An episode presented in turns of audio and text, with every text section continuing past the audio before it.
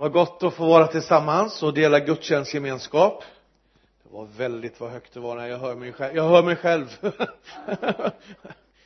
Det är gott att få predika sig själv lycklig som någon sa. Väldigt roligt att få vara här. Eh, tack Bengt-Arne för inbjudan. Eh, gott att mötas igen. Kirsti som jag hade förmånen att få gå på skola tillsammans med förra årtusendet. Eh, på Örebro missionsskola. Hade vi två. Och då hade vi faktiskt en resa hit eh, på det som kallades missionsskolans dag. Så var vi ute och, och, och gjorde oss kända. Eh, jag vet inte om någon av er var här då om ni kommer ihåg om man, om man gjorde något intryck eller inte. Men i alla fall är jag glad att vara här nu och ni som har kommit idag för att lyssna på något som ni aldrig har hört förut så kommer jag göra er väldigt besvikna. Jag tror ni har hört det här någon gång. Men det är alltid så att det finns kan finnas människor som ändå behöver höra det som är ett väldigt gammalt evangelium. Bibeln skrevs ju för hur många år sedan som helst, eller hur? Men ändå så är det så att det finns alltid saker som vi behöver påminna varandra om som vi behöver leva i och som vi kan ta emot gång på gång på gång på gång. Och det är det som gör det så spännande att leva tillsammans med Jesus att det är nytt hela tiden. Det är hela tiden fräscht och man får hela tiden liksom göra nya upptäckter och nya upplevelser tillsammans med Jesus. Det är så fränt och så häftigt. Om man är med i en frimärksklubb liksom det kommer ju inte mycket nytt va? Eller hur? Det är liksom bara och nu, ja det kan ju komma nytt från att det förr så när jag var ung då var man då fick man ju slicka själv va. Nu, nu kan man ju liksom plocka bort och så här så är det klart på något sätt. Men men här är det nytt och fräscht hela tiden fast det är gammalt. Eh, det är en paradox som är härlig nog. Jag vill ta med dig till Kolosserbrevet. Det första kapitlet och jag vill läsa ifrån den nittonde versen. Kolosserbrevet kapitel 1 och från den nittonde versen. Eh, och jag vet egentligen inte Kirsti om man sa det på missionsskolan att man skulle ha tre punkter. Jag, jag tror inte man sa det men någonstans har jag fått för mig det. det är väl bra med tre punkter. Blir det bra då vet vi ungefär var vi är va? Så det är hur långt det är kvar till lunchen. Är det, är det okej? Okay? Kolosserbrevet 1 från den nittonde versen. Ty Gud beslöt att låta hela fullheten bo i honom och genom honom försona allt med sig sedan han skapat frid i kraft av blodet på hans kors. Frid genom honom både på jorden och i himlen. Också ni som en gång var främmande för Gud har genom ert sinnelag och genom era onda gärningar hans fiender. Också er har han nu försonat med sig när han i sin jordiska kropp led döden han vill låta er träda fram inför sig heliga fläckfria och oförvitliga. Om ni verkligen står fasta och väl grundade i tron och inte låter er rubbas från hoppet i det evangelium som ni har hört och som har predikats för allt skapat under himlen och som jag, Paulus, har blivit satt att tjäna nu gläder jag mig mitt under mina lidanden för er.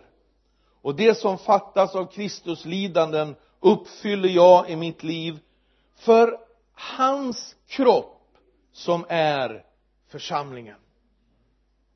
Amen. Det jag skulle vilja tala till dig om några minuter på förmiddagen det är försoningen.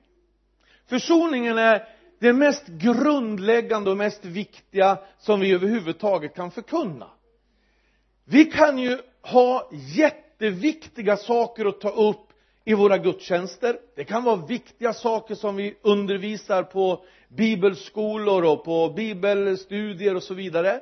Jättebra saker som vi behöver med oss för att kunna växa som kristna. Eller hur? Men vi måste också börja någonstans. Och det börjar med att du och jag försonas med Gud. Det är där som är, det är liksom, det är riktig grundbult i allt vi gör.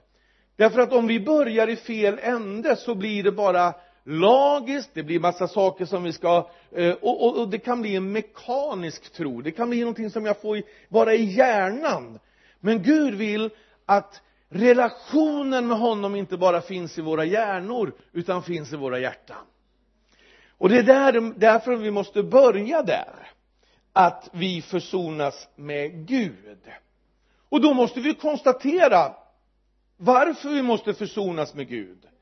Det måste vi göra därför att vi människor säger första Mosebok valde att gå vår egen väg det var ett tillfälle någonstans där vi inte ville ha med Gud att göra. Och försvann ifrån den gemenskap och den tanke som Gud hade med våra liv. Och så kom vi bort ifrån Gud. Och i den skilsmässan så ville Gud någonting annat. Han hade ju skapat oss, det står ju så. Han har skapat oss till sin avbild och det kommer jag tillbaka till lite senare. Hur underbart det är att veta att man är Guds avbild, eller hur? Eller rättare sagt hur Gud har skapat oss. Det kommer jag mer till i, i punkt två så vi ska inte gå så mycket i förväg här. Men, men det som hände var att vi valde att gå vår egen väg och vi kom ut i det vi skulle kunna kalla för synd. Synd är ett sånt där ord som inte är så lattjo att prata om, eller hur? Synd är ett sånt där ord som inte är ja men det är ju liksom, man går ju inte igång på det sådär va. Man, man känner ju, det är ju, det är ju något jobbigt, eller hur? Och därför så behöver vi försoning. Och då finns det ju människor som tänker så här ja att Gud kan försona en del människor som inte har gjort så mycket. Ja men det förstår jag. Men allt det jag har gjort. Jag menar det går ju an för dig som kommer inför Gud liksom med, med, med, med ett A4 oj jag skulle bara eh, det är lite sådana nej men jag är inte nervös. Nej men det går ju an för dig då som kommer liksom ett A4 med dina synder. Det, det tar ju liksom 20 sekunder att läsa allt vad du, dumheter du har gjort. Men jag menar i mitt fall det räcker ju inte med ett A4 jag måste ha ett helt kollegieblock för att liksom få till allting, alla dumheter man har gjort i livet och då säger Jesaja 1 och 18 något så bra. Det står så här. Kom låt oss gå till rätta med varandra säger Herren. Om era synder än är blodröda så skall de bli snövita. Om de än är röda som scharlakan ska de bli vita som snö alltså ibland så kan det ju kännas så att du och jag har kommit in i helt fel sammanhang, eller hur? Vi bara känner vad gör jag här? Eller vem är jag i det här fantastiska sammanhanget? Och här, här kommer jag. Vem är jag i allt detta? Och någonstans så är det kanske det vi kan känna inför det här när någon talar om synd. Och så tänker vi så här ja men jag känner min sann en del kristna. Och de, de har betett sig väldigt konstigt. Det är nästan så att jag nästan har varit lite bättre än dem faktiskt. Ja jag, jag har i alla fall hjälpt någon tant över gatan någon gång. Sen att inte tanten ville över det är en annan sak men jag hjälpte henne i alla fall.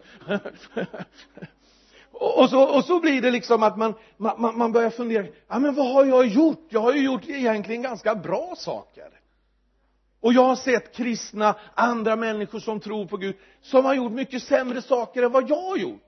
Och så tänker man ja men det där med synd känns egentligen ganska jobbigt. Det känns som att vi blir, vi blir bedömda efter något, något ganska obetydligt yttre. Vi blir bedömda efter vad vi kan tycka eller vad vi kan känna i olika frågor kanske. Um, och så bottnar det oftast i, tänker i alla fall jag, att kyrkan ofta har skjutit över målet. Och så har vi liksom lagt upp något sorts etiskt liv. Om du ska vara en troende så måste du leva så här.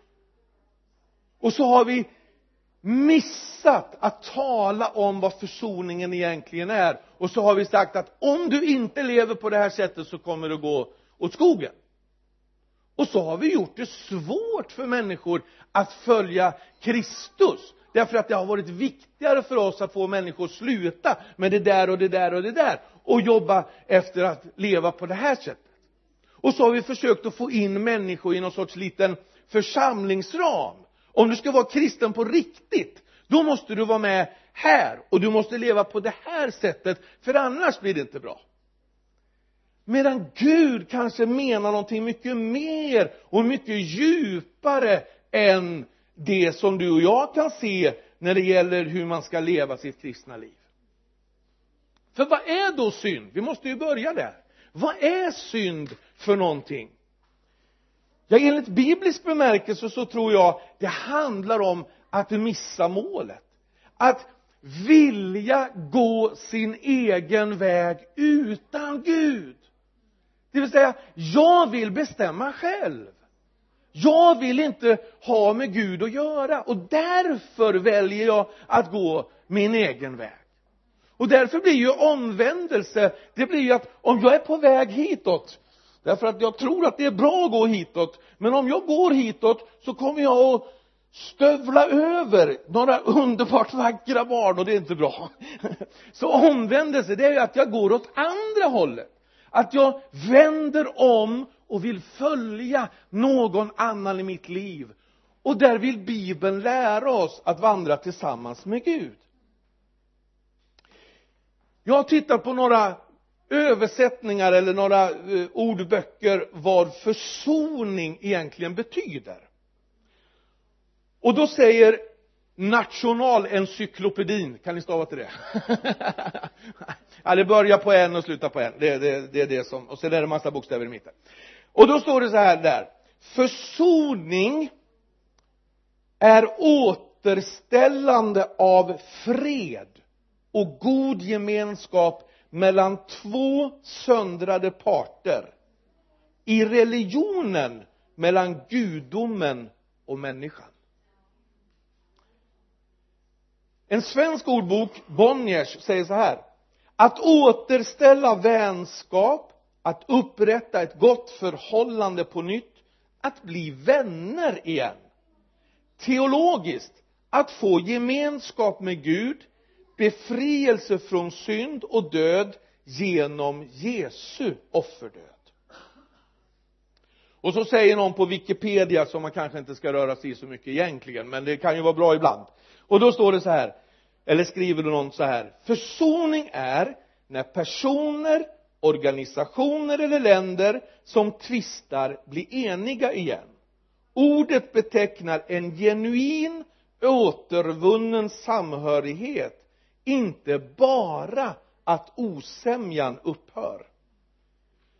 Så försoningen handlar alltså om att Gud blir min Gud och ibland så kan ju vi känna så här ja men att Gud är alla andras Gud det kan jag förstå.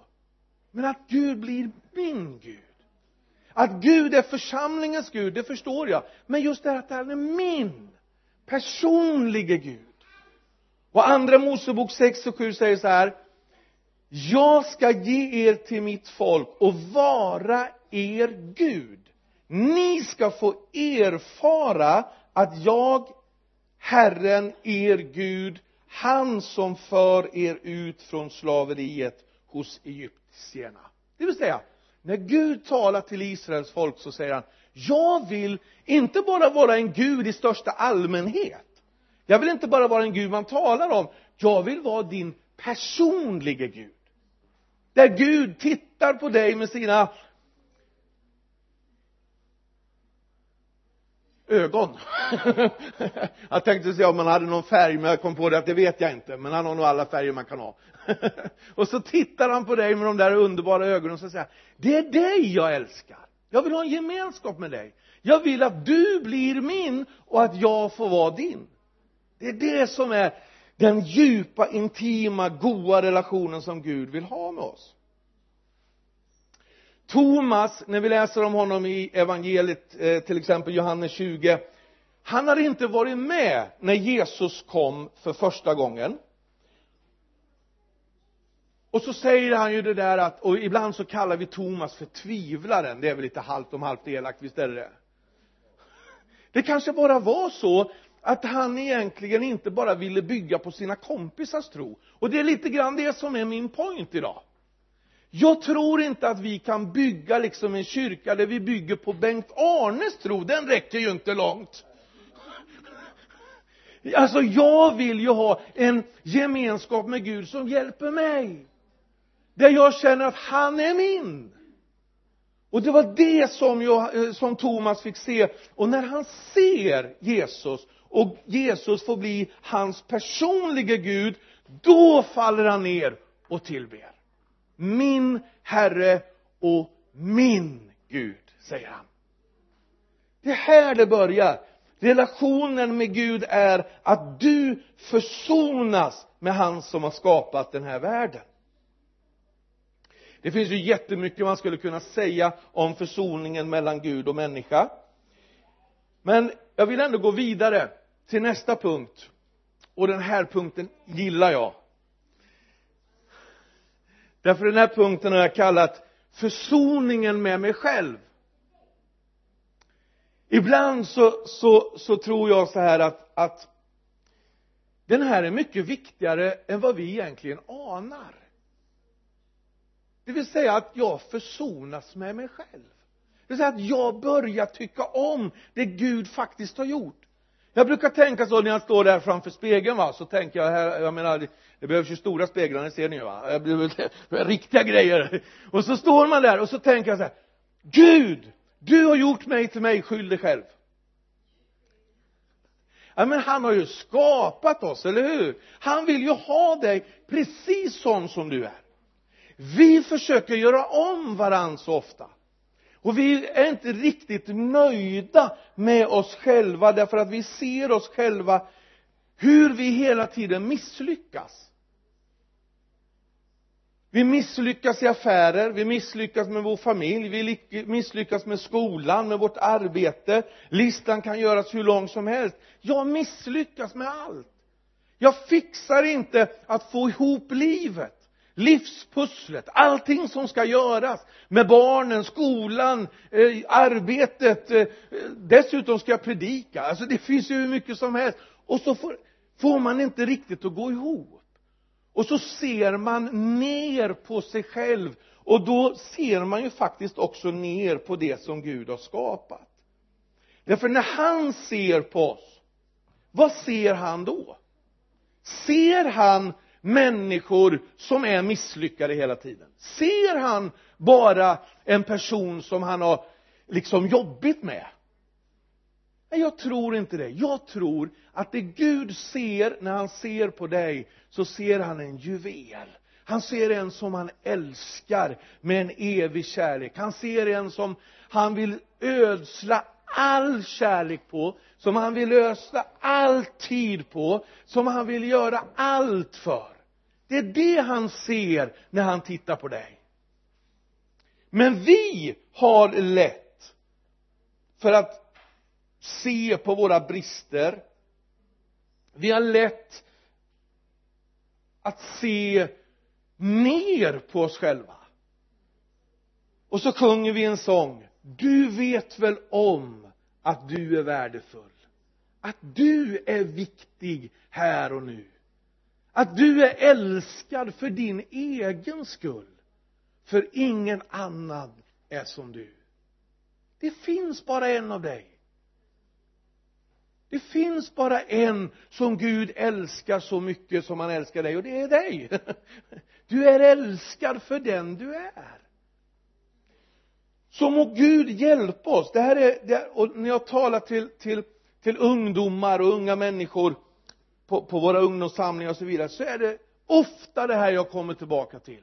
Du är älskad för den du är. Gud bryr sig om ditt liv han vill vara med när du utbildar dig när du när du liksom vill finna din livsväg när du vill finna din livskamrat när du vill när du växer upp. Det är då Gud vill ha med dig att göra.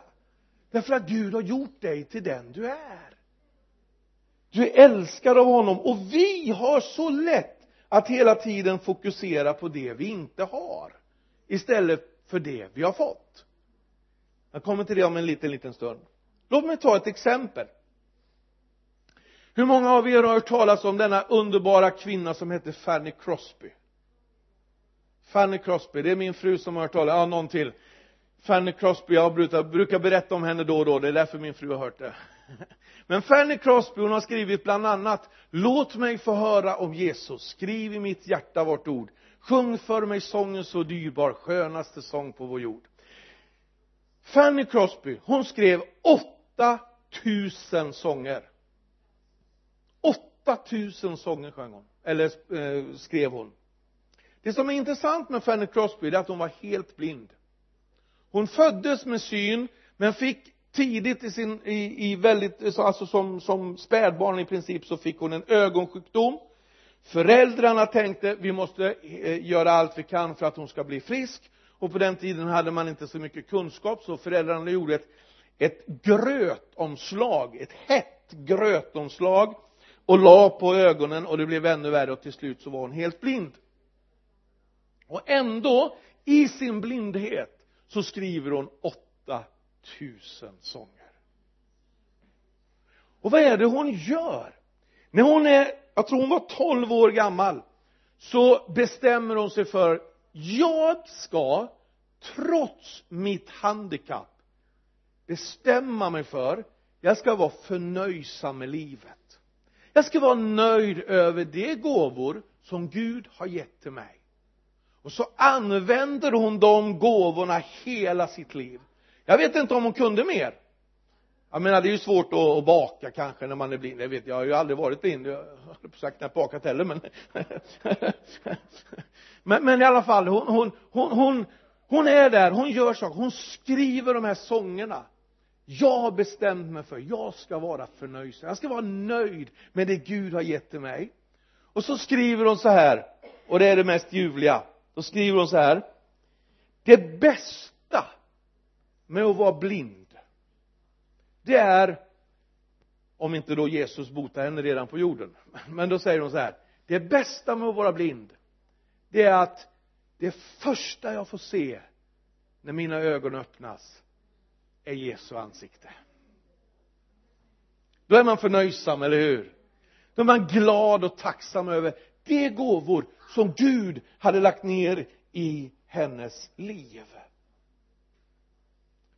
I Matteus 25 så kan vi läsa om att Gud har lagt ner talenter i våra liv. Det vill säga Gud har lagt ner gåvor i dig. Och då kan du välja två vägar. Antingen så kan du då välja jag skulle vilja ha de gåvorna istället. Alltså jag skulle vilja göra det där, de där grejerna skulle jag vilja kunna. Eller också kan du säga tack Gud för de gåvor som du har lagt i mitt liv som jag får använda för att människor ska kunna växa till i församlingen för att nya människor ska kunna komma till tro. De gåvorna som du har gett till mig vill jag använda till ditt förhärligande. Samma tema finns hos änkan som Elisa möter i andra konungabokens fjärde kapitel. Den här änkan hade förlorat sin make. Det var därför hon var änka. Det är väldigt djup undervisning. Men då var hon, då blev hon en änka och så hade hon två söner. Och så var hon förtvivlad. För hur ska det gå? Och då var det så att någon, någon skola där eller på något sätt någon, ville ha de här sönerna, ta dem ifrån henne. Och då skulle hon ju bli ännu mer ensam. Allt skulle på något sätt vara över, eller hur? Och så kommer Elisa. Och så säger han så här. Vad har du i huset? Och det enda änkan hade det var lite olja. Och då säger Elisa bra då utgår vi från det du har det du har i ditt hus det är det som är viktigt. Och så säger han så här gå till dina grannar.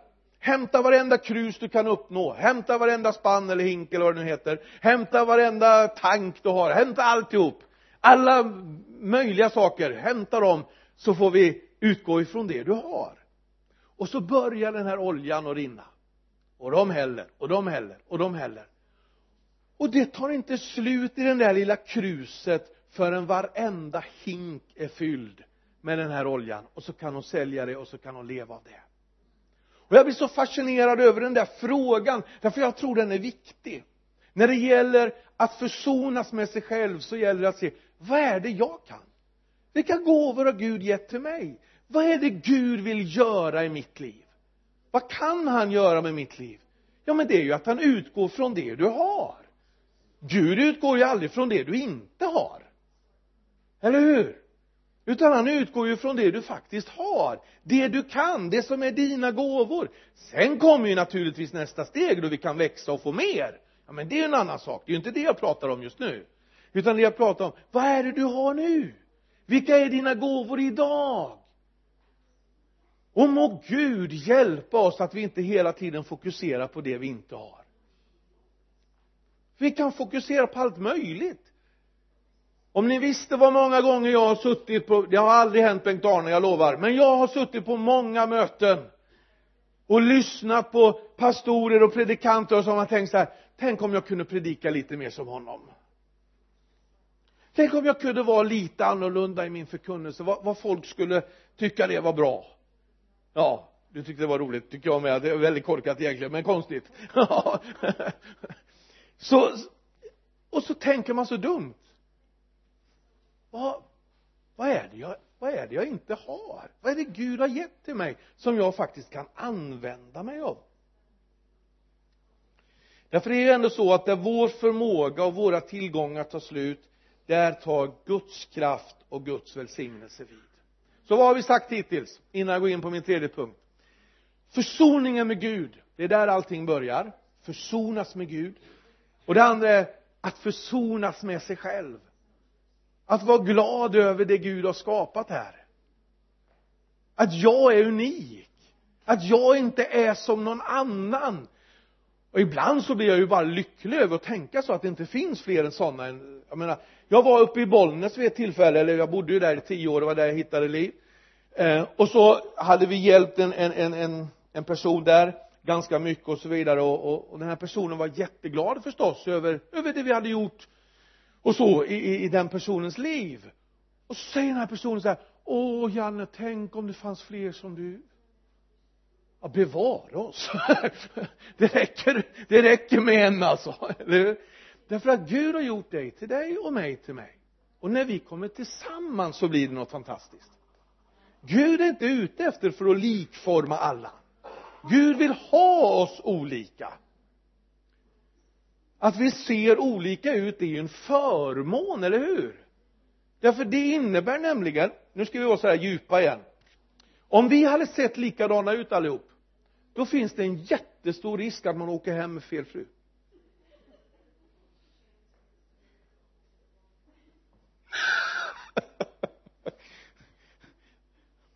Okej, okay, då går vi vidare. så det är jättebra att vi är olika för då, då, då ser vi hur det ska vara. Försoningen med Gud, försoningen med mig själv. Det tredje och sista jag skulle vilja säga det är försoningen med våra medmänniskor. Älska din nästa så som dig själv. Och där är vi tillbaka. Om vi inte hade älskat oss själva om vi inte hade försonats med oss själva så är det så svårt att älska vår medmänniska. När du och jag tar emot Kristus i våra liv så föds vi in i en ny gemenskap med syskon över hela världen. Och när Jesus ber sin förbön för oss i Johannes 17 så säger han när världen ser att vi är ett blir det till ett vittnesbörd som pekar på Guds kärlek. Du vet syskon det väljer vi inte själva jag är äldst i en syskonskara av jag har fått fem syskon efter mig. Och jag är äldst. Störst? Vackrast vet jag inte men i alla fall. De här syskonen som kom efter mig de bara var där. Ja det var ju en viss leveranstid men de bara kom. De bara kom där som inkräktare. Den där goda tiden som jag hade med mamma och pappa så bara var de där.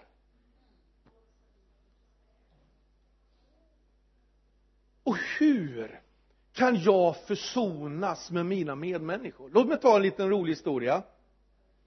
En liten flicka får också ett syskon eller har ett syskon, en lillebror.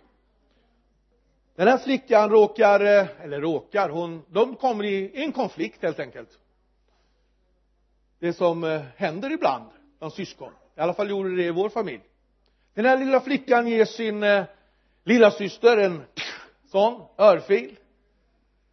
Och så var det över höll jag på att säga. Någon vecka senare så kommer mormor på besök. Och mormor tar upp den här saken med den här tjejen och så säger hon du hur kunde du göra så där? Det blir ju så fel. Hur, hur, hur kunde det gå till så? Och mycket eftertänksamt så säger den lilla flickan så här jag vet inte. Men jag tror Gud gav mig kraft.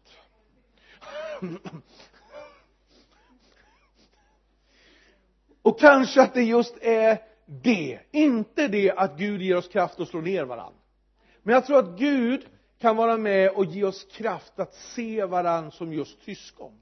Ibland så ser vi varandra som och speciellt då om man är med i en församling så kan man se andra församlingar som någon sorts eh, kusiner eller halvsyskon eller vad vi nu kan få för oss.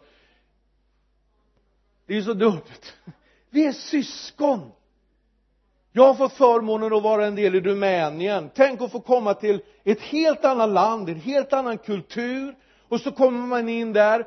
Och jag kommer ihåg eh, broder Dorin. En fantastisk människa som är med i pingstförsamlingen i Reghinde dit vi brukar åka och så kommer man in till Dorin. Dorin är helt blind. Han har massor av ungar. Det bara kryllar av dem. Och så kommer man in i hans hus och så kommer frun och öppnar och så kommer Dorin där och så undrar han vem är det? För han ser ju inte vem det är så han frågar vem det är? Och frun säger det är pastor Jan från Sverige. Och då blir det fart på gubbe Dorin alltså. Ja då kommer han så tar han tag i huvudet och mång, mång, mång, mång och så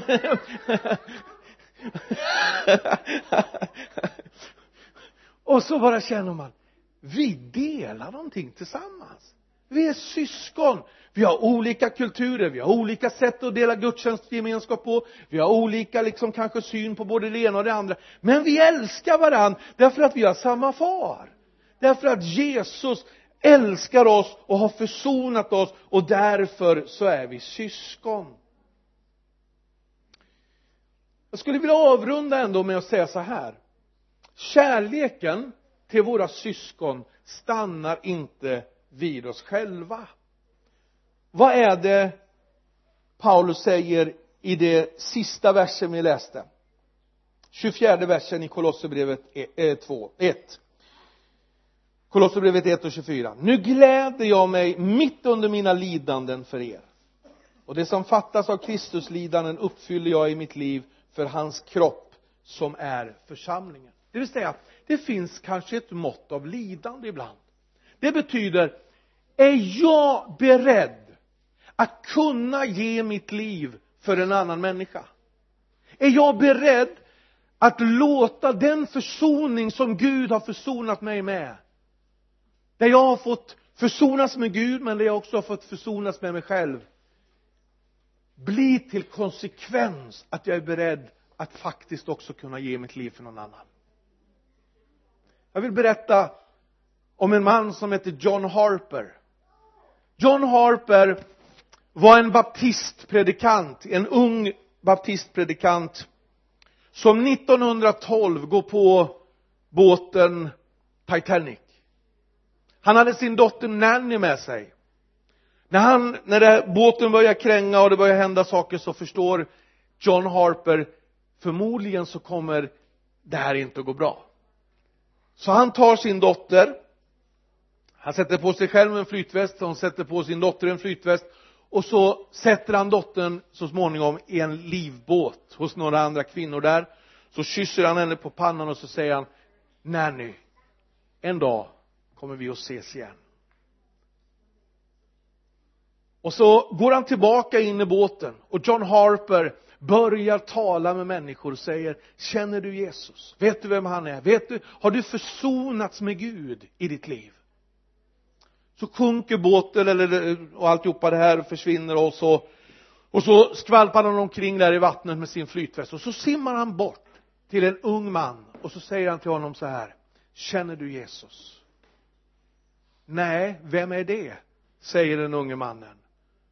Då behöver du den här bättre än vad jag behöver.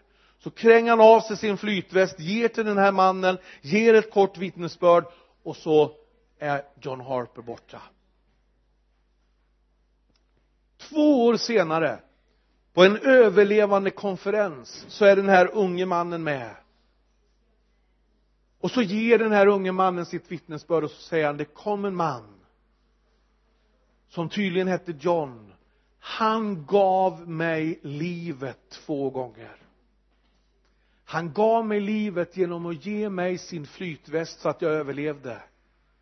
Men framför allt så berättar han om en som har gett mig det eviga livet. Och jag har tagit emot honom i mitt liv idag. Och då blir min fråga det som kanske är lite allvarligt också i min förkunnelse jag älskar när vi får skratta tillsammans. Jag tycker det är underbart. Jag tycker det är Gud har nog humor, tror ni inte det? Men det finns ju också allvar. Det finns en sida av allvar i det här.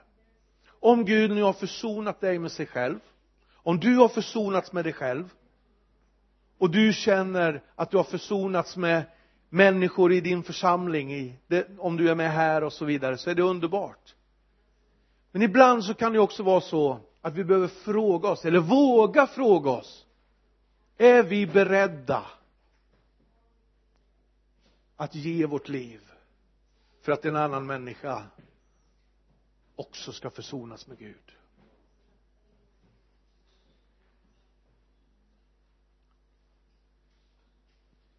Det är det som kanske jag tror vi behöver fundera kring tillsammans. Därför att försoningens tid är på något sätt alltid nu.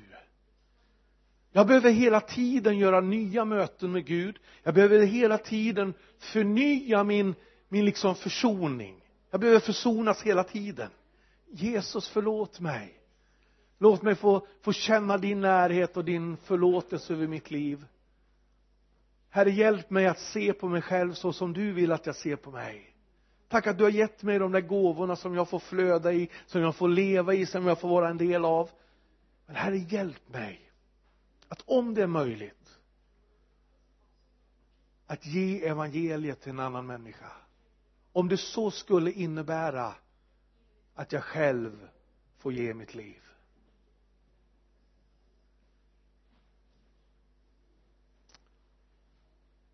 Nu vet inte jag hur ni brukar så att säga avrunda möten och, och, och samlingar och så men jag känner att jag skulle vilja ge en kort inbjudan där jag säger du kanske finns här som känner att det finns ett behov av försoning på något av de här tre planen. Du kanske är här som behöver försonas med Gud. Du kanske känner jag vet att Gud har förlåtit så många. Jag vet att Gud har förlåtit den och förlåtit den och och, och sådär. Men, men kan han verkligen förlåta mig? Kan han verkligen försonas med mig med alla de fel och brister som jag har?